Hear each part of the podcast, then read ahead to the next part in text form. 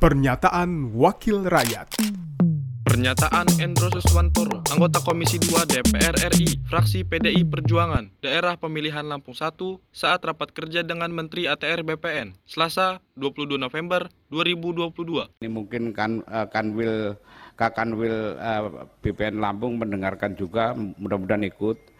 Ini kaitannya dengan uh, target apa uh, keluhan masalah uh, kearsipan gudang. Tahun yang kemarin uh, sudah kita bicarakan masalah digitalis eh, digitalisasi dokumen kearsipan. Ini kalau kita masih hard copy semacam ini mengandalkan kertas tanpa paperless itu, ini permohonan apa namanya keluhan-keluhan masalah tempatnya terbatas itu menjadi meningkat.